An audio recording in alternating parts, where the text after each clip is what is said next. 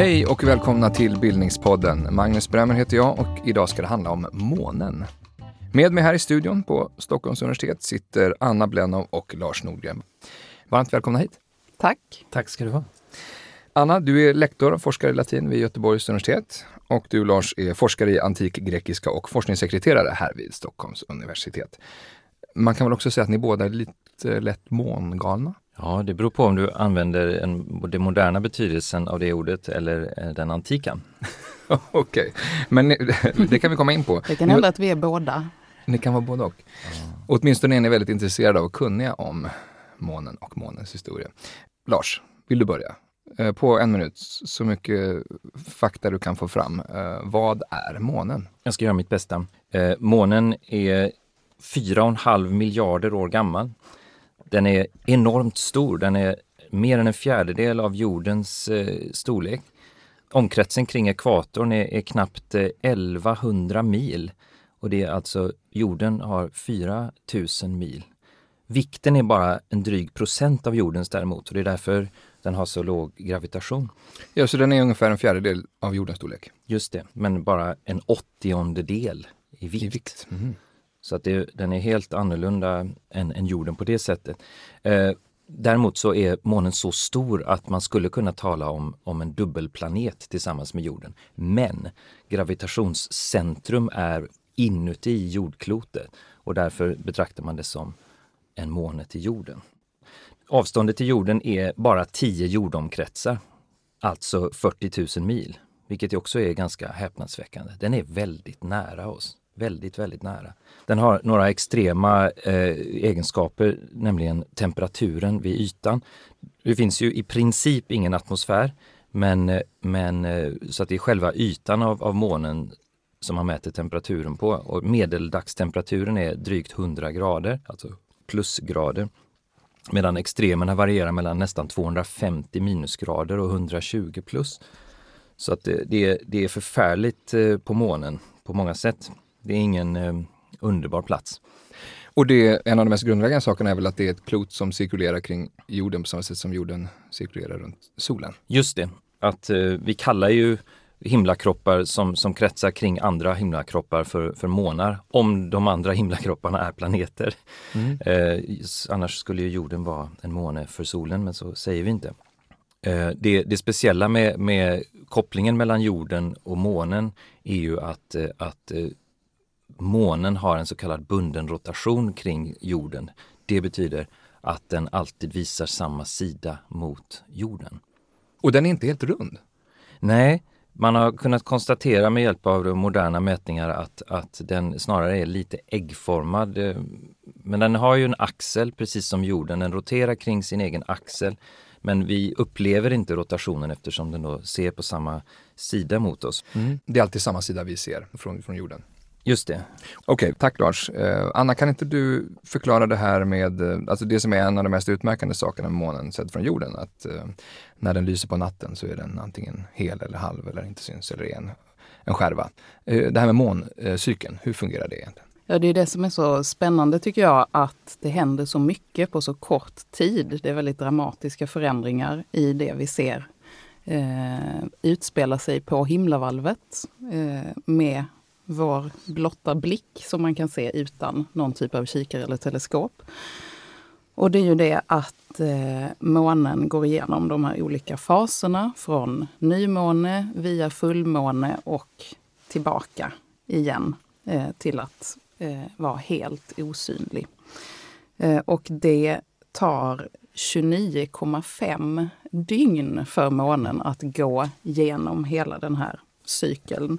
Så det är det man kallar för en månmånad. Även ordet månad kommer ju från samma eh, stam som måne. Så att en månad är någonting som månen skapar, eller en månad kanske till och med är månen. Men eh, just det, en månmånad och en, en kalendermånad är alltså inte lika långa? Nej, för där kommer vi in på det intressanta fenomen som uppstår när vi börjar jämföra solen och månen. För solkalendern och månkalendern, de eh, är väldigt nära varandra i tid men inte exakt, vilket bildar eh, olika glapp som man då måste justera på olika sätt. Så eftersom en månmånad är 29 och en halv dag och ett solår är lite drygt 365 dagar så är olika kalendrar eh, genom tiderna fått hantera det här på, på mm. olika sätt. Skottor exempelvis? Har det med Skottor är typiskt en sån eh, hantering av ett glapp eh, genom att man eh, stoppar in en extra dag vart fjärde år. Och här kan man ju passa på att nämna såna här små teknikaliteter som siderisk och synodisk månad om man skulle vilja veta en sån sak. Vad är det för något? Alltså när Anna säger att en, en månad är 29,5 dygn så är det ju rätt utifrån jordens sätt. Men om man istället väljer en fixstjärna som referenspunkt så, så är månens omloppstid runt jorden bara drygt 27 dygn. Så utgångspunkten är viktig för, för, mm. för att var, var, är vi när vi pratar om det? Mm. och jag är ju alltid på jorden då. Det, liksom min, är det. min utgångspunkt är Jag tycker vi, att, håller, vi håller oss på jorden så länge mm. i alla fall. Mm. Och det här med att den är, äh, olika stora delar av månen är upplyst, det har att göra med hur mycket jorden blockerar av solstrålarna. Så, eller? Ja, nej, det är ju någonting annat. Om jorden skuggar solens ljus, då kallas det ju för, för månförmörkelse. Hur, hur, hur kommer det sig då att det är olika upplyst? Nej, det har att göra med, med vinkeln mellan månen och solen. Att det finns ju alltid en sida av månen som är helt belyst. Det är bara det att vi ser inte alltid just den från jorden. Det är egentligen eh, jorden och månens relation till solen. Just precis. På vår gemensamma bana runt den. Precis. Eh, det beror på hur mycket då eh, solen belyser månskivan från vår synvinkel sett. Och det är också eh, skiftande vid vilken tid på dygnet som månen är så att säga uppe på himlen. Så att precis i början vid nymånen när man ser den allra första skäran som är formad som ett mm. litet kommatecken. Då eh, följer månen och solen varandra väldigt tätt i spåren. Så att nymånen går ner precis strax efter solen. Vilket gör att vi bara kan se den i en liten kort stund eh, på kvällen, precis när solljuset försvinner.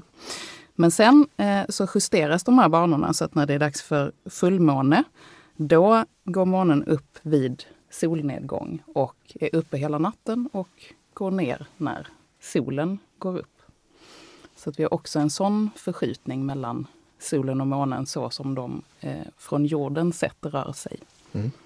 Eh, men det här med att du säger att, att, att, eh, när jorden skuggar solen blir det månförmörkelse. Eh, det bygger alltså på att, att det finns någon slags symmetri i storlek där mellan solen och jorden. Och det finns en, en häpnadsväckande symmetri mellan solen och månens, hur mycket plats de tar upp på himlen. Eh, och det, det är en, en, lycklig slump att vi lever i den tiden när, när de är exakt lika stora på himlen. Och det är det som gör att, att en, en solförmörkelse kan bli så spektakulär när, eftersom månen, om man är på, på rätt ställe på jorden och, för att se på det, så, så täcker månskivan exakt solskivan. Och det är då man kan, med blotta ögat då, med skydd förstås, eh, se sådana här eh, protuberanser när, när solen kastar ut enorma Eh, eldhav från, från ytan. Och det är som en liten gyllene kant också på månen väl? När det blir som en, som en eh, silvrig ring. Mm. När du säger vi lever i den tiden när, när månen och jorden har viss storlek leder ju osökt till frågan eh, om hur gammal månen är. Alltså hur uppstod månen? Ja. Vad finns det för teorier? Den, den idag eh, förhärskande teorin betyder eller säger att, att eh, en, en annan himlakropp som man kallar för Teja ska ha krockat med jorden och slitit av eh, en stor, ett stort stycke av det som var planeten jorden. Som eh, slog sönder, hamnade i omloppsbana kring jorden och undan för undan tog form och eh, ja, fortsatte rotera kring jorden på grund av gravitationens lagar. Så att eh, månen består av material från jorden. Det har man kunnat konstatera efter, efter månfärderna, efter eh, analys av, av ehm, eh, grus. Det, det coolaste med, med månens uppkomst är ju att utan månen som, som stabiliserande verkan så skulle jorden inte säkert ha den fasta rotation som vi har. alltså en fin och lugn eh, rotation kring en egen axel. Det skulle kunnat vara ett kaotiskt tumlande istället och då hade vi inte haft eh, förutsättningarna för liv som vi har på jorden, nämligen årstider, vatten, eh, atmosfär. Så att, mm. ja. De behöver varandra, jorden och månen, kort sagt. Det är riktigt. Mm. finns det andra sådana där typiska saker som missförstås om månen?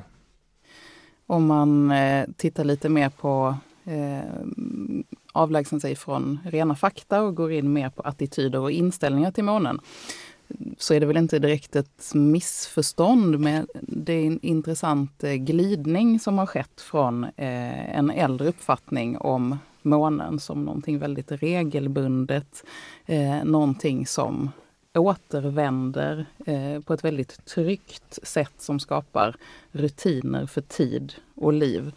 Eh, men sen har ju någonting hänt, eh, både i poesin och, och, på andra områden, som mer betonar det här att månen är så avlägsen. Den är ju rent faktiskt på väg bort från oss sakta. Och då är det också någonting som man förstärker det här att eh, månen, eh, trots att den på något sätt hör till jorden, så är den, eh, försvinner den sakta från oss och så blir månen den här liksom bleka, vaga, eh, förrädiska, mm. försvinnande himlakroppen. Den, den metaforen har, har egentligen en, en, en, faktisk grund egentligen. Så är det ju också. Åtminstone en dimension. Av mm. det. Jag har en sak som, som ju är ett gammalt missförstånd, eh, nämligen benämningen på, på de olika eh, olikfärgade ytorna. De mörka områdena har ju traditionellt kallats för hav och, och de ljusa har kallats för land. Och, och det bygger på en, en, en gammalt, ett gammalt antagande om att, om att månen liknar jorden mer än vad, man, vad det visar sig att den gjorde, att det skulle ha funnits hav helt enkelt. Nu vet man att, att det som man eh, kallade för hav är, är rester av vulkanisk aktivitet. Det är, det är lava, alltså stelnad lava som, som är det mörka och det är högländer som, som är det ljusa. Mm. Vi, jag tänkte vi skulle komma in på det här med, med månkartan och alla dessa fantastiska fantasieggande namn. Hela det här studiebordet vi har här är fullt av kartor och månglober och massa eh, fascinerande saker som jag tänker vi återkommer till alldeles strax. Eh, det är väl typ fullmåne nu när vi spelar in det här. Har ni någon sån här eh, månskådartips för den som aldrig har gjort det? Är det något man behöver känna till? Behöver man en kikare? Nej. En lång period av min månskådarkarriär har jag varit helt fri från kikare. Och eh, för mig så ligger en del av det fascinerande i att betrakta månen är, är ju det att göra det så som man har gjort det för länge sedan när man inte hade kikare och teleskop. Vad innebär det då? Så det enda man behöver göra är att man eh, behöver veta eh, ungefär var och när den går upp. Det finns det säkert appar till och sånt? Det finns appar eh, som jag använder flitigt. Mm. Eh, och så eh, bör man också veta vilken månfas vi befinner oss i. Så när är det fullmåne? Vilken tid till och med på dygnet inträffar nästa fullmåne? Och sen är det bara att hitta en bra utsiktspunkt som gärna ska vara så mörk som möjligt. Just det, så en absolut fullmåne kan liksom inträffa på en morgon eller en förmiddag. Eller så. Då är det kanske svårt att så se är det den lika bra. när inte vi ser den. Mm. Mm. Okej, okay, så man ska hålla utkik efter de där perfekta fullmånarna, kanske mitt i natten eller så. Men utkikspunkten är, är väldigt viktig eh, när, när det var, skulle bli en sån här supermåne och blodmåne, vi kan prata om vad det är. Nej men, men säg kort vad supermåne och blodmåne Ja, supermåne kallas det när, när månen är, är extra nära jorden för att den, den eh, går i en elliptisk bana så att eh, det kan skilja 5000 mil. Så att upplevelsen av dess storlek på himlen är lite, lite större. Men egentligen den stora, stora upplevelsen av, av att månen tar mycket plats på himlen, det har att göra med när den är riktigt nära horisonten. Blodmåne då?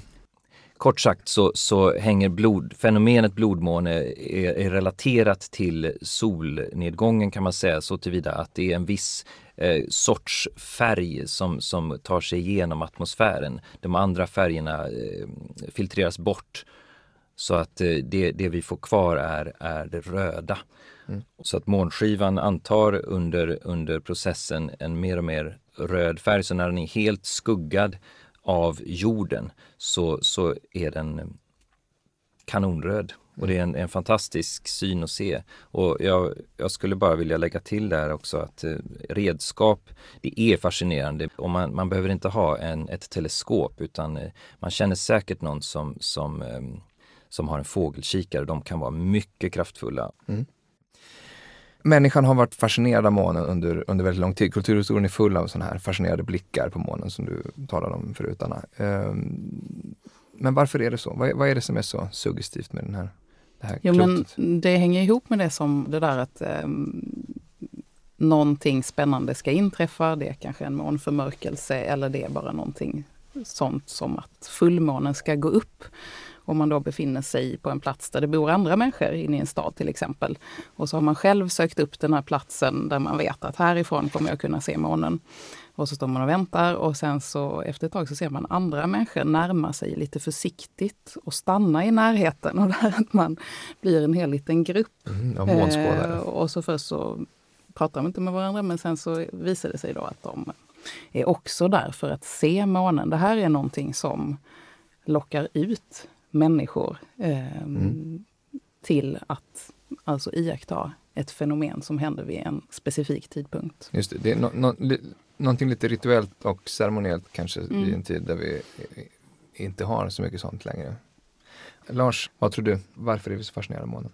Ja, jag brukar svara på den frågan när det gäller eh, antiken. Så, så brukar jag säga för att den finns där. Den står och stirrar på oss i, i form av, eh, av eh, gamla tempel och, men också texter som är bevarade. Och, och det, det, är lite samma sak med, med himlakropparna faktiskt. Att solen den är så kolossalt eh, viktig och påverkar oss så, så uppenbart. Men, men månen är också där och, och är, den är mera mystisk i det att den kommer och går på, på ett mer oförutsägbart sätt än vad solen gör.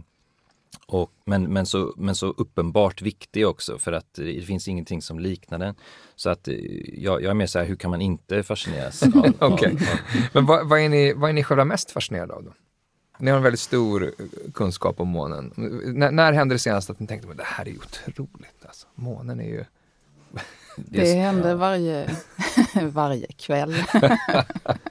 Nej men det är så, det är precis som Lars sa det här att det är på något sätt en signal som är omöjlig att inte följa. Och tack vare att den är så snabbt föränderlig så är det också omöjligt att inte eh, fängslas av det här och börja följa föränderligheten. Mm. Jag skulle säga att det, månen representerar en väldigt mänsklig eh, rytm. Den är mätbar i en, en, en omfattning som, som är lagom stor. Det här med, med ungefär 30 dagar, det är liksom en, en tidsrymd som, som i alla fall en vuxen tycker är, är ganska kort som, som, men som är tillräckligt lång för att eh, riktig förändring ska kunna äga rum. Så det är ett sånt där tips som jag har fått av, av någon att, eh, att ta tillvara fullmånen eller nymånen, det är som man vill, men som ett tillfälle att, att reflektera och stanna upp och reflektera över vad, vad, vad kan jag nu som jag inte kunde för en månad sedan? Vad gör jag nu som jag inte gjorde? Eller vad gör jag inte som jag skulle vilja sluta med? Den sortens eh, eh självreflektion. Det är, mm. det är ju en fantastisk eh, kalender som, som står och, och, och, jobbar för oss hela tiden. Mm.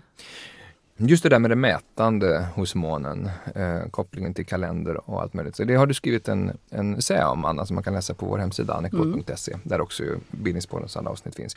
Kan du bara ge, ge en liten kort version, en, en liten översikt av på vilka olika sätt som månen, kanske lite grann i hemlighet, mäter våra liv? Mm. Eh, några av de äldsta kalendrar man känner till är baserade på månen, så att man kan säga att månen eh, är ett ursprungligt sätt att mäta tiden och sen har eh, senare har, har solen kommit in som, som en aktör i kalendern. Eh, men man, så månen var först? Månen var först. Eh, så att både i Grekland och Rom men också på andra platser eh, har man tidigt upprättat månkalendrar som då styrs helt och hållet av eh, måncykeln. Mm.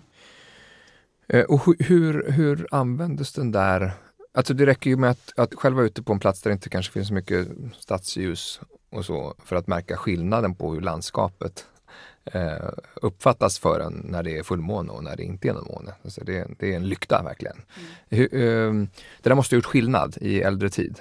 Verkligen. Eh, i en äldre tid så måste det ha varit mycket mer eh, alltså naturligt att fokusera på månen just eh, på grund av kontrasten i det här ljuset som skiftar.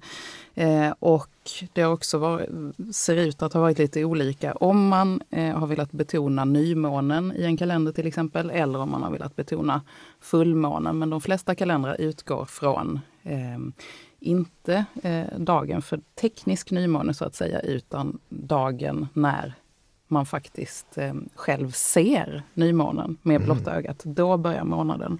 Mm. Eh, och då infaller ju fullmånen som månadens mitt. Men jag tänker rent pragmatiskt, har, har liksom fullmånsnätter använts på särskilda sätt? Liksom? I folktro har det ju, har det ju varit förknippat med, med någonting negativt eller farligt. Det, det, det är alldeles klart att, att uh, undvika att, att uh, göra si eller göra så när, i, i månljus. Samtidigt som, som eh, antroposoferna har, har bestämda uppfattningar om när, när det är rätt eller fel att så saker. Vissa, vissa växter anses särskilt gynnade av det. Så att... Säg något om vad en antroposof är. Ja, jo men antroposoferna är ju några av alla de som eh, har betonat eh, månfasernas eh, inverkan på jordbruk och odling till exempel. Så att där finns det en idé att eh, ju mer tilltagande eh, månen är så har det en påverkan på framför allt eh, vatten och vätskor. Eh, så att månen drar då till sig vatten så att en fullmåne drar liksom upp saven i växterna. Medan sen när månen är avtagande så sjunker vattnet istället ner i jorden och då blir det en intressant eh, period för eh, växternas rötter som då gynnas. Mm. Okej, okay, så det, man menar att det har olika verkan? Ja.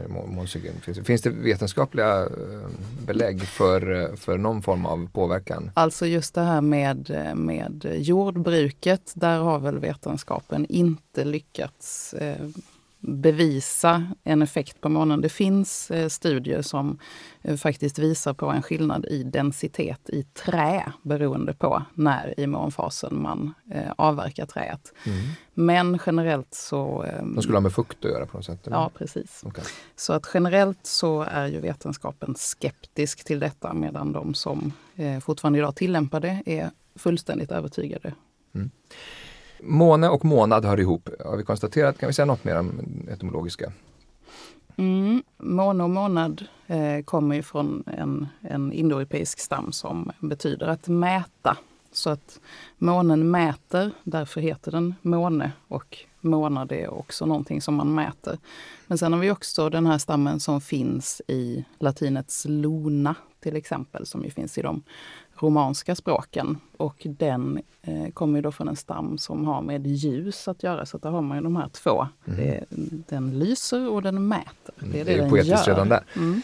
Det finns ju sen det, det, grekiska namnet för, för månen som ju är Selene, som kanske är besläktat med Luna, det kan jag inte svara på. Men, men det, det sticker ut så tillvida att, att eh, det heter så annorlunda. Mm. Att månen har förknippats med, med negativa krafter sen, sen mycket lång tid tillbaka är, är också tydligt i, i um, gamla, gamla texter som Psaltaren till exempel så, så, så heter det att, eh, att Herren bevarar dig, i hans skugga får du vandra, han går vid din sida. Solen ska inte skada dig om dagen, inte månen om natten, står det. Mm. Och, och, det är sådär, det, det, speglar ju en, en föreställning om, om att eh, vi är utsatta för, för fara och att eh, Herren då ska skydda oss men att farorna då kan vara solen eller månen. Det är inte alldeles uppenbart för oss idag. Mm. Månen ter sig inte så, så omedelbart farlig för oss. Men det är likadant i, i eh, Matteus evangeliet så, så hittar man när, när Jesus ska, han, han, får, han får ju ofta frågan att han ska bota folk. Uh, och, och, då är det en person som, som på grekiska har, är månsjuk ungefär. Mm. Seleniadsetai står det. Han, han är, uh, ja det, det, är svårt att översätta på, på något sätt alls men, men uh, han, han månas ungefär. Han blir månad, han är under, under månpåverkan och detta brukar man översätta, på, på latin heter det lunaticus. Så här har vi, här har vi ett ursprung till uttrycket lunatic. Precis. Galning. Och det mångalna uppenbarligen då? Ja, från det här bibelstället där, där, där det, det betydde att, att, ha, att vara sjuk, att vara påverkad av månen, så har vi, har vi ju lunatic och, och lunacy, att vara mångalen alltså. Men, men på engelska så har ordet moonstruck också kommit att ha en positiv koppling, att, att, att man är kär alltså. För att det var ju det här med, med att, eh, att säga om någon är mångalen eller inte. Så att i, i, den, i den gamla betydelsen så var det ju alltid en negativ sak. Men idag har det ju också kommit att kunna betyda någonting positivt. Mm. Anna, har du något på det mångalna? Ja, men det är ju också en koppling till det här med antikens syn på månen, eh, månens funktioner. Eh, och där mm, hör ju liksom vackra, goda saker som fruktbarhet och odling, eh, barnafödande, det hör till eh, månens domäner. Men sen finns det också den här mörka sidan med eh, magi, eh, med skräck och att månen är kopplad till olika gudomligheter som också har den här eh, farliga och faktiskt dödliga mm. makten. Mm. Så att de satte ju tre olika namn på, på samma företeelse för att visa upp eh, den mångsidighet då som, som man tillskriver ja, himlakroppen då. Selene som jag börjar med, Luna på latin, är ju bara månen i största allmänhet eh, neutral. Mm. Medan, medan eh, Artemis, eh, hon är ju en, en, en jakt och naturgudinna som, som ju i det största hela ändå representerar positiva krafter. Hur är hon kopplad till månen? Hon är också en mångudinna, hon är mm. en av de här tre. Selene först, eh, neutral och så på den positiva sidan Artemis som, som verkligen var en, en, eh, en superetablerad gudomlighet. Det är hon som heter Diana på latin. Och sen den tredje som ju heter Hekate som ju är dödsriket och nattens gudinna som också symboliserar månen. Ja, alltså vilken är egentligen historiens äldsta bevarade uh, gestaltning av månen? Finns det grottmålningar med mån, månbilder på? Där är man ju inte alldeles överens. Men, men uh, när, det, det, finns en, en tysk eh, forskare som heter Rappenglück som mm. menar att det i Lascaux-grottan i Frankrike som ju är 15 000 år gammal, att där finns en månkalender, en, en avbildning av både en halv måncykel men också en hel måncykel. Och sen har man också hittat ben, ben med eh, inristade månkalendrar som verkligen dessutom ser ut som månfaser. Som också skulle vara, alltså de är kolossalt gamla eh, och, och det skulle visa att, att människan inte bara såg månen utan brydde sig mycket om det. Det är igen detta med, med en, en mänsklig mätform liksom som, mm. som är begriplig. Andra tidiga uppfattningar om, alltså redan de här tre gudinnorna rymmer ju många olika bilder av månen på sätt och vis. Mm. Finns det andra sådana antika föreställningar som är värda att nämna? Mm, det är också intressant att um, den här grekiska treenigheten motsvaras ju, som Lars sa, av en eh, latinsk dito, nämligen eh, Luna, Diana och Trivia, som då eh, är den här eh, mörka eh, delen av eh, treenigheten som eh, också då står för trevägskorsningarnas eh, fruktansvärda eh, gudom. Men eh, där är det också intressant att ofta så tar man ju eh, de romerska gudarna som en direktöversättning av de grekiska. Men där skiljer ju Diana ut sig lite grann. Eh, just hon är också en fornitalisk gudinna som väldigt tidigt, alltså före det att Rom blev till, har varit viktig på den italiska halvön. Och hennes namn är ju också intressant.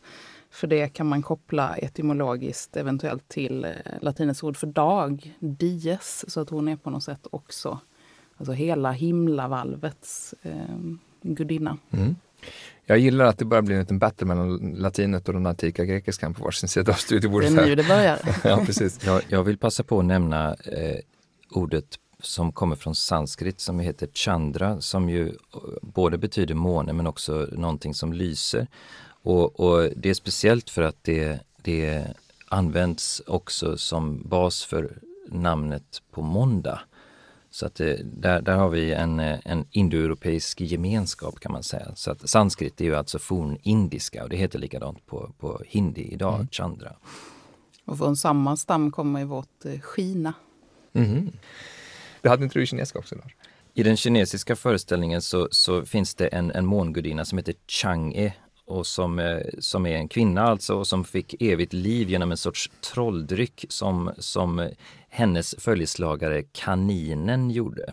Så att eh, på, på månskivan så ser de inte en, en gubbe eh, eller, eller en kvinna utan det är en kanin. Jag skrattar ni. Eh, inte lika poetiskt En kanske, kanin med en mortel som, som alltså kaninen håller på och bereder det här ett livselixir som, som den här mångudinnan antingen stal eller tvingades i, i ett litet tumult att, eh, att äta upp. Så att hon lämnade sin, sin make som för övrigt hade, hade räddat jorden genom att skjuta bort de nio av de tio solar som fanns på himlen. Så att det var rätt, det här är liksom en skapelsemyt också. Men, men, Fantastiskt.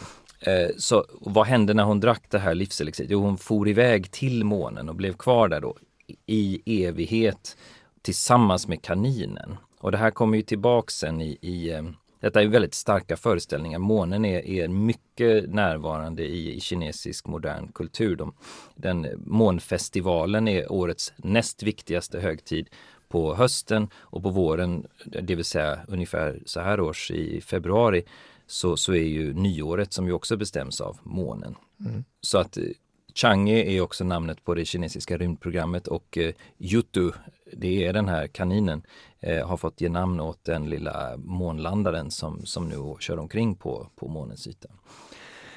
Underbart, månkaninen är redan min favorit.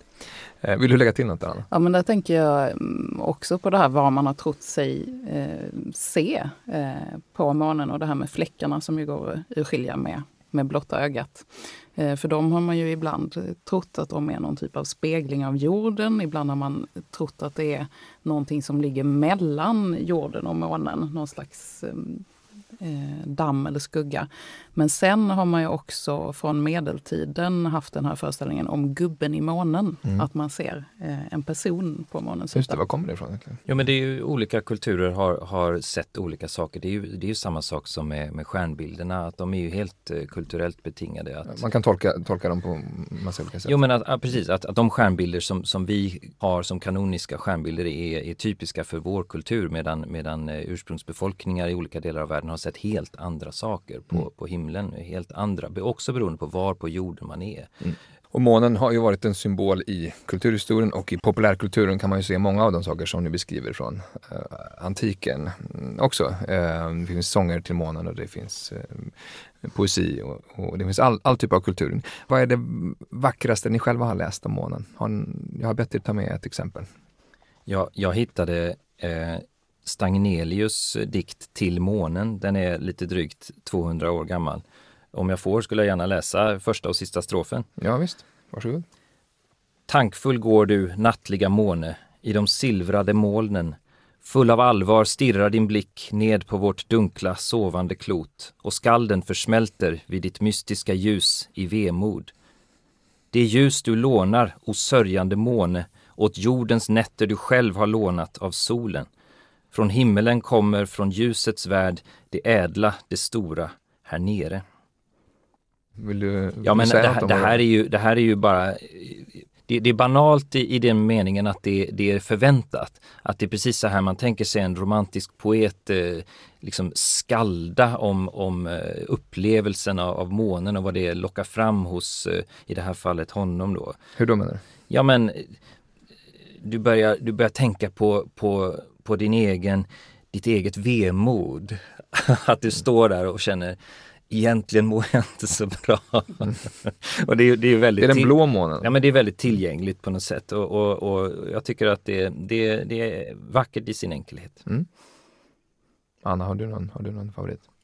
Jo, jag tycker att min absoluta favoritmåndikt är skriven av den danska poeten Inger Christensen. Mm. Jag önskar nu att jag kunde läsa på danska, mm. för det är så vackert och den finns tyvärr inte översatt till svenska.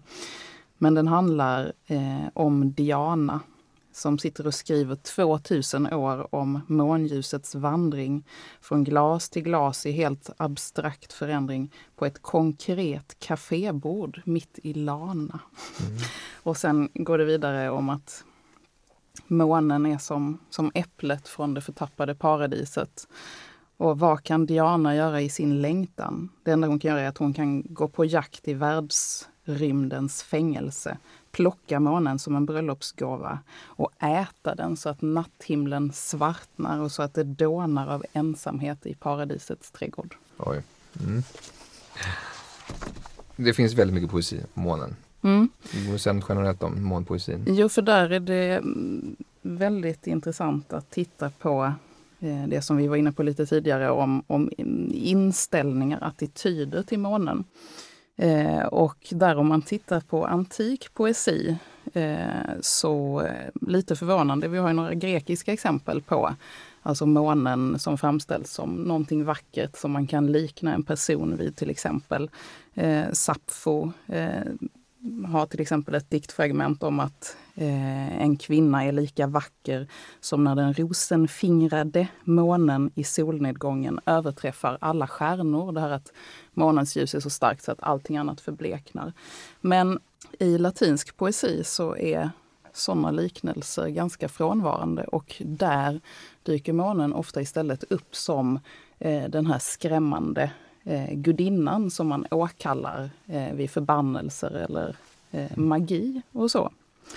Och sen under medeltiden så kommer en ny symbolik in i poesin, till exempel i Carmina Burana, diktverket, där månens föränderlighet blir någonting negativt. Att eh, månen är opolitlig och månen, precis som ödet, eh, är totalt oförutsägbar. Vad som helst kan hända när som helst. Mm. Och sen då med romantiken kommer liksom den här kombinationen av skönhet och vemod och längtan. Det är då som de mm. eh, förenas till den här förhärskande bilden av månen idag kanske. Fint. Vi ska ruska av oss det här poetiska nu lite grann och försöka bli lite mer konkreta och dra eh, månens vetenskapshistoria från tidigaste tiden fram till rymdprogrammet tänkte jag. Eh, Galileo Galilei är väl ett bra ställe att börja på. Ska vi inte börja med redan de gamla grekerna? Ja, men gör det. det var ett Var, sånt upplägg. Gör, gör det, såklart. Nej, men det, det, det, finns inte så mycket, men det finns någonting och, och det är Anaxagoras eh, som, ju, som ju levde under 400-talet, det är före vår tidräkning. Han, eh, han gjorde eh, vissa, vissa observationer, nämligen att, att månens sken var reflekterat solljus. Det är inte självklara saker. Men också kunde han kunde konstatera att det fanns berg på månen. Och, och, bara att man har det, det kvar, att, att någon säger, för det är alltid så, det är någon som säger att han säger det. Eh, och sen så en liten sista sak som, som han sa, nämligen att eh, den var bebodd. Mm -hmm. okay. så, så Ja. Det tror jag man ändå bevisat att den inte är, men vi kan återkomma till det. Eh, Galileo Galilei och eh, den vetenskapliga revolutionen. Eh, vad, vad, är det för avgörande observationer av månen som han gör?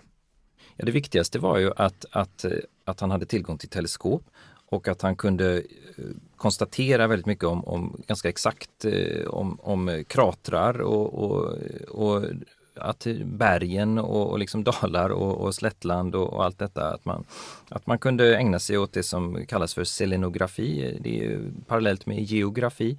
Eh, alltså eh, läran om, om eh, hur månen ser ut. Eh, och, och, att de här eh, ja, med blotta ögat så var det omöjligt att, att, se många av de saker som han såg helt enkelt. Och man trodde att den var mycket slätare också innan, av den här perfektionen. Som När man kunde titta så nära så, så kunde man ju se att, att det gick att känna igen eh, mm. mycket, även om, om jordens yta inte alls präglas av, av eh, kratrar på det sättet. Eh, det har ju med atmosfären att göra. Så, så har vi ju kratrar på jorden. Vi har ju mm. också mm haft meteoritnedslag. Mm. Några andra sådana där i korthet vetenskapliga kunskapssprång? Nej men det var just det, det, det speciella är ju att, att eh, det stod och stampade så att säga från, från eh, den tiden ända fram till 1900-talet. Att, att det var det man hade och man var nöjd Det man med såg det. genom teleskopet? Ja. Mm. Det, det, gick inte att, att, göra på något annat sätt för att vi hade inte några raketer att skicka upp. Nej, Vi ska återkomma till dem, men den, det, det, man började göra då var just, som du pratade om, uh, att, att, uh, att, att, att, göra kartor över månen. Och också väl de här fantastiska namnen. Mm. Jag, får jag lyfta upp din, din månglob här Anna? Ja. Är den ömtålig? Nej. Anna har tagit med en, ja, det ser ut som en jordglob, fast det är månens yta på istället. Och här står sådana saker som Mare Crisium. Uh, mare, det finns något Mare Tranquil, någonting, va? Stillhetens Mm, hav, som kanske är mest känt. Sidan. Uh, berätta, där- hur, hur kom de här namnen till? För de här är ganska tidiga. Mm. Eh, och de här haven är ju de här mörka fläckarna som på den sidan av månen som är vänd mot jorden. Ja, det ser ut som en, en grå och blå geografi med, med, med hav, verkligen. Just det. Men det är kratrar. Nej, alltså de här haven är ju ytor med en annan geologisk Mm. eh, komposition som gör att de reflekterar ljuset mindre än det andra och därför blir mörkare. Men eh, i mitten på 1600-talet så hände det ju otroligt mycket på den här selenografins område. Så att inom loppet av fem år kan man säga så kom tre oerhört, alltså de, de första riktigt detaljerade kartorna över månen i tre olika varianter då delvis Mm. konkurrerande. Ge oss några av namnen direkt. Den allra första brukar man ju säga är av holländaren Mikael van Landgren från 1645. Han var den första som började namnge då både kratrar och olika ytor på månen. Och då hade han eh, idén att just eh, i den här tanken att månen är en spegel av jorden eh, så gav han bland annat de här haven, eh, alltså jordiska namn. Så att Belgiska havet kallar han ett hav till exempel. Och sen uppkallar man kratrar efter olika berömda personer, kungligheter och så.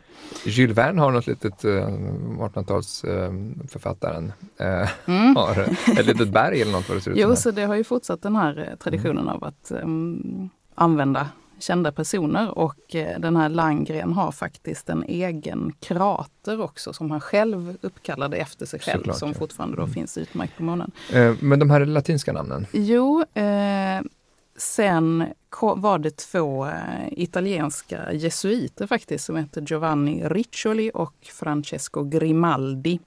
Som i ett väldigt stort eh, verk som heter Almagestum Novum som handlar om eh, universum och planeterna allmänt. De skapar då ytterligare en månkarta som jag har med mig här. Och det är på den som haven och Eh, de andra ytorna får de här latinska namnen som vi fortfarande använder idag. Till exempel Mare Serenitatis, eh, lugnets hav och Mare Tranquillitatis, stillhetens hav. Men också Mare Nubium, molnens hav, Mare Imbrium, regnens hav. Och här använder man alltså eh, namnen på olika tillstånd, alltså vädertillstånd eller mentala tillstånd som man då ansåg att månen styrde.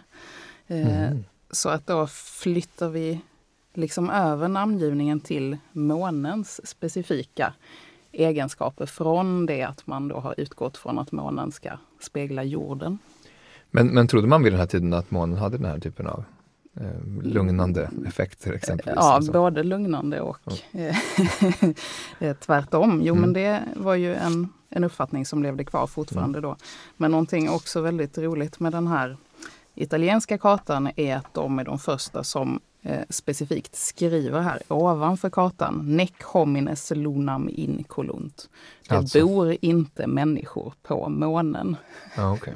Det Men det skulle fortsätter. sägas. Mm. det fortsätter ju också Necke.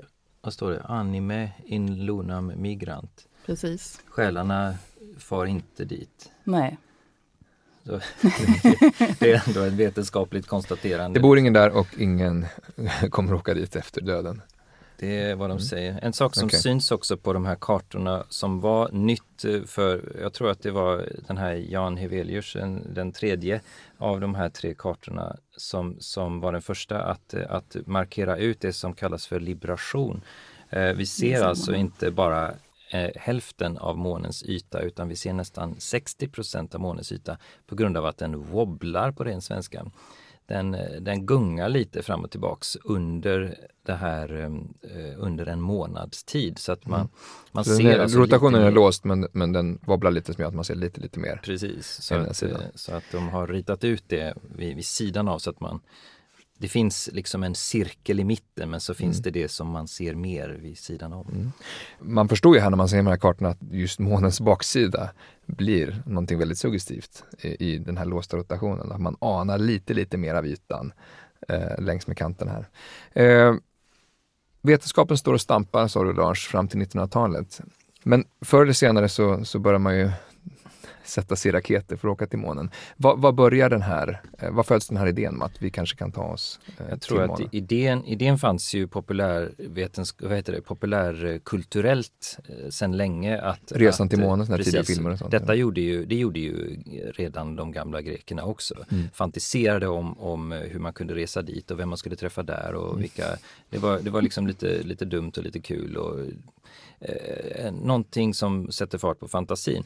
Men allt eftersom som eh, tek, den tekniska utvecklingen gick så snabbt på 1900-talet så insåg man ju att, att det här kan vi göra. Så att eh, den här, det här eh, rymdkapplöpningen som man pratar om, det var, ju, det var ju en kraftmätning mellan USA och Sovjetunionen och det gick ju ut på att, att nå ut i rymden med raketkraft. Och men det var just detta att Sovjetunionen var så framgångsrika i början. Allting de gjorde som de visade upp var ju lyckat. De, de visade ju bara i efterhand vad de hade gjort medan amerikanerna tänkte tvärtom och visade allting i direktsändning från början och de hade massiva misslyckanden i början. Nästan varenda raket exploderade, och brann upp på, på startbanan så att det var väldigt viktigt detta att, att Sovjet, att det gick så bra för dem. Och eh, så då var de tvungna att liksom istället för att ta ett steg i taget så, så ja, då tog de, bestämde sig för att ta tio steg. Så att eh, 1961 så, så ställer sig Kennedy, presidenten då, och håller ett tal där han säger att innan eh, det här årtiondet är slut så ska vi ha landsatt en människa på månen och tagit hem människan igen välbehållen. Och det är ju sådär, när han säger detta så har man haft en amerikan i rymden i 15 minuter. Mm. Det är allt. Så det är ett fantastiskt företag. Och sen bara för att sätta det här lite i perspektiv, så detta var alltså 1961. Det var först 1903 som människan överhuvudtaget hade lyckats flyga med flygmaskin. Och det var på, på 20-talets slut som Charles Lindbergh flög över Atlanten första gången. Så det, det är ofattbart egentligen vilka, vilka landvinningar som, hur fort det gick. Mm. Det, det amerikanska projektet kallas för Apollo-projektet. Mm. Det var, hur hur många expeditioner blev det till slut? det, det, det är ju en rätt komplicerad historia för att de, de började med, med ett projekt som hette Mercury eller Mercurius då, som bara gick ut på att ta sig ut i rymden och tillbaka. Det var de som kallades för kapslar. Och sen så, så när, när man hade bestämt sig för att man verkligen skulle till månen så var det ju, fick man ju räkna ut hur exakt det man skulle gå tillväga. Och då insåg man att man behövde göra någonting som heter rendezvous då, eller rymdmöte. När två farkoster möts och dockar med varandra. Så fick man göra ett projekt i mitten som visade att man kunde det, det som kallas för Gemini då, eller tvillingprojektet. Och, och först när de hade visat att det gick, då var det aktuellt att börja skicka upp eh, själva Apollo-programmet som, som ju var en, en tekniskt mycket, mycket invecklad eh, historia med, med där man så att säga parkerar först i omloppsbana runt jorden. Sen ger man sig iväg och parkerar i omloppsbana runt månen. Därifrån skickar man en lös del ner medan en person väntar i, i eh, omloppsbana fortfarande runt månen. Så man behövde vara tre då för att, för att göra det här. Men det är Apollo-projektet som har målet att, att, att landstiga på månen. Precis, och, och förväntningarna var ju massiva och eh, amerikanerna trummade ju upp ett medialt intresse som saknade motstycke. Sättet att, att, eh, att direktsända sina försök, det, det saknade motstycke i, i historien. Och, och det gjorde att det blev en, en angelägenhet för, för hela jorden. För att de, de, visserligen var det ett amerikanskt projekt och det står USA på, på raketen men, men de var ändå noga med att poängtera att detta var för mänsklighetens bästa och att det, det är liksom vi, vi gör detta som människor från jorden. Så att när de reste på sitt segertåg runt hela, hela världen efter att de kommit hem så, så upplevde människor över hela jorden att vi har gjort detta. Vi har alla del i detta fantastiska som, som människan har gjort. Och det är, är Apollo 11 eh, som, som landsteg Neil Armstrong bara strålar Ja, alltså eftersom det här projektet var på en sån skala så, så hade man ju aldrig tänkt sig att man bara skulle åka dit en gång för det hade ju varit för futtigt. De första eh, Apollo-resenärerna var, var, bara på månens yta i två och en halv timme innan det var dags att, att liksom packa ihop och dra. Mm. De var ju hela tiden under press av att tänk om någonting inte funkar, tänk om något går fel, tänk om någon skadar sig, tänk om... De har tänkt miljoner sådana scenarier i förväg. Men allting gick ju bra, de kom hem och då hade man ju redan eh, ett antal expeditioner i pipeline. De skulle ju gå ända upp till Apollo 20 var det tänkt. Mm. Men, men det var ju så fruktansvärt dyrt. Så fruktansvärt dyrt att det gick inte att, att, att få igenom till slut. Det var ju, behövdes ju kongressbeslut då i USA för att finansiera detta. Mm. Men hur många landsteg till slut inom det här projektet? Det blev ju 12. Mm. Eh, sex eh, stycken månlandningar med två personer i varje. Mm. Och så fanns det ju fler då i omloppsbana. Så att, eh, ja. Men det, det, är en mediehändelse, det var en kapplöpning och en supermaktskraftmätning. Så att säga. Men vad, vad, blev de konkreta resultaten av vad man faktiskt lärde sig om månen med de här projekten? Ja, det, det nästan viktigaste var ju, just det här med, med tekniska saker som, som har med utforskandet av, av månen i sig att göra. Detaljerad kartläggning av månytan, tyngdkraftfält eh, kring månen, de här man ställer upp speglar för att kunna mäta avståndet mellan jorden och månen med laser så att man kan ju på millimeter när säga var, var den är. Och sen så har man... Det är det som gör att vi vet att den försvinner längre bort? Då. Det är det att vi, att vi vet det säkert, att vi verkligen kan mäta den. Utforskningen av månens inre med, med hjälp av sådana här seismografer och sånt och, och analys av prover då. Vad man har kunnat säga exakt nämligen är ju vad månen är gjord av. För att det är ju kolossalt viktigt att kunna säga det. Man, man tänkte ju sig att, för det har ju någonting som har fascinerat människor i, i långa tider. Vad är månen gjord av? Och det är ju en gammal grej detta med ost och sånt. Det är ju det är bara dumt men, men, men det är ju varför inte? Tills man har, har, har sett eh, vad det faktiskt är. Det visar sig att det är grus. Mm. Eh, men det är ett mycket speciellt grus som har ett särskilt namn.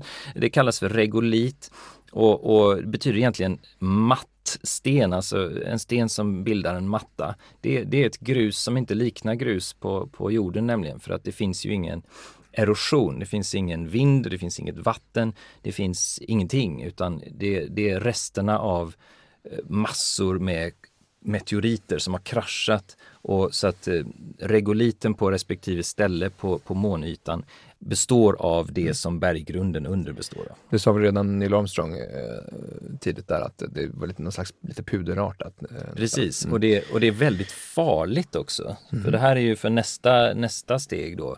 Om man vill åka tillbaka till månen så, så måste man lägga ner mycket jobb på att fundera över hur man ska göra med det här.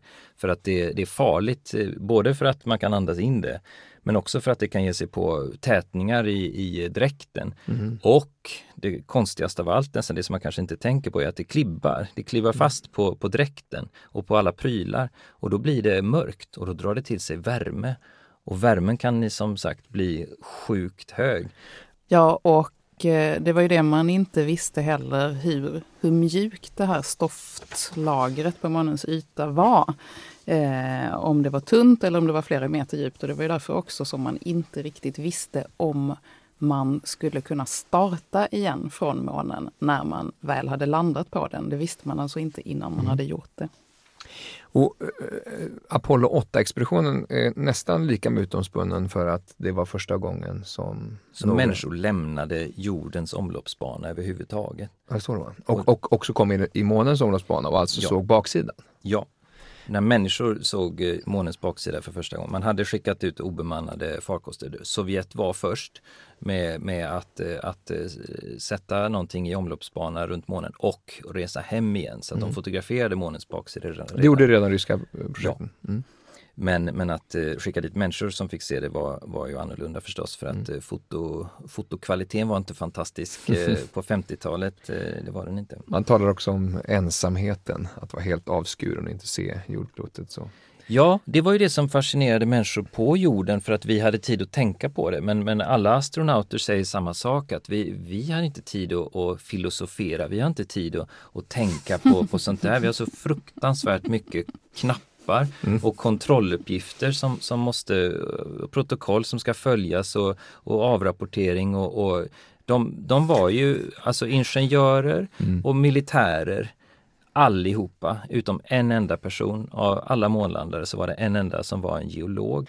Men det, eh, det födde ju också ett, ett, ett nytt begrepp på fotografierna från den här expeditionen när, när en Earthrise, just att jorden går upp bakom månen. Ja, det, det är, Eh, det är ja. väldigt, väldigt existentiellt. Ja men det är en talande grej för att, för att de blev lika överraskade. De satt där i, i, i månland, eller vad heter det, i den här, eh, den här farkosten och, och, och bara får syn på det. Men herregud vad coolt!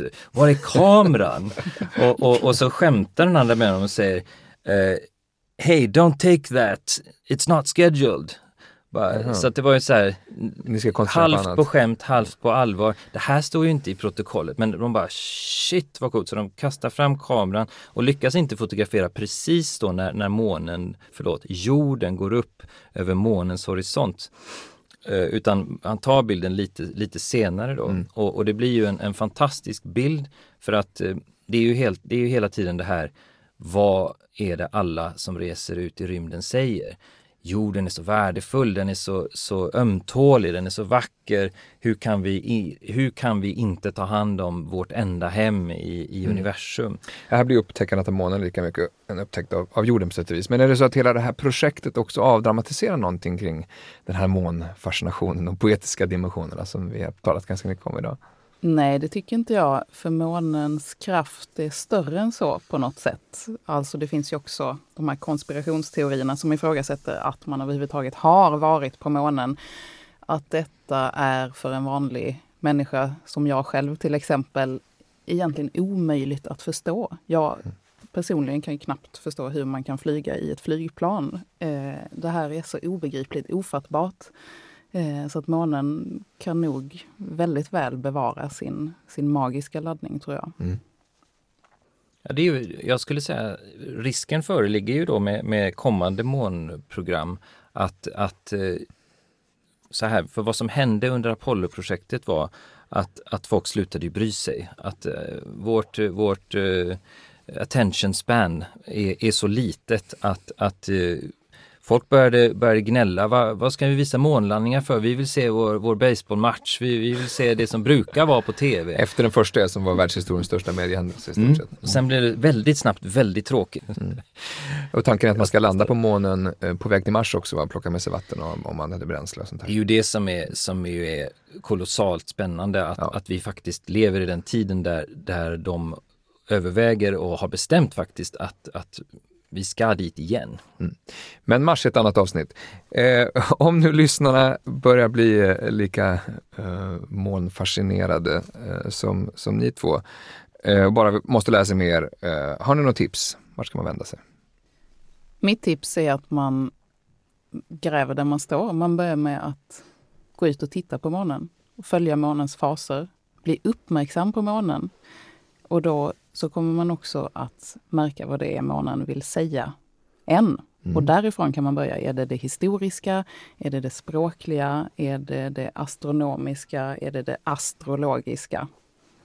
Eller bara den där tysta stunden i ensamhet under månen. Ja. Det, det är ett underbart förslag. Och, och en som, som, om man vill eh, gå den enkla vägen så, så finns det någon som redan har gjort det här åt en. Eh, han heter Norman Mailer och, och har skrivit, eh, han skrev i, i serier. Amerikansk journalist. Precis, han skrev i serier för en tidskrift då medan, eh, så fram till eh, Apollo 11 då och, och under. Och, och hans eh, skildring av månresan är lika mycket en skildring av det amerikanska samhället och, och världen under den här tiden. Och han skriver på ett oerhört eh, medryckande sätt som, som jag kan rekommendera till alla. För att det, det blir ju, hur man än vänder och vrider på det, blir det en, en berättelse om, om oss själva. Hur, hur, vad tycker vi, vad känner vi, hur förhåller vi oss till, till det här? Och, och, och, så att, om inte annat som, som, en, eh, som en förberedelse för, för nästa månprojekt. Hur, är, vi, är vi redo för det ens? Och ett rent praktiskt tips, jag som gärna vill dra åt det poetiska hållet, är ju att tidskriften Lyrikvännens senaste nummer är helt ägnat åt poeterna och månen. Stort tack för det, Lars Nordgren, Anna Blendov. Tack. ska du ha. Och tack alla ni som har lyssnat. Vi är snart tillbaka med nya avsnitt. Du har lyssnat på Bildningspodden, en del av bildningsmagasinet Anekdot. Podden spelas in på Språkstudion och ljudproducent är Kristin Eriksdotter Nordgren. Fler poddar, filmer och essäer hittar du på anekdot.se.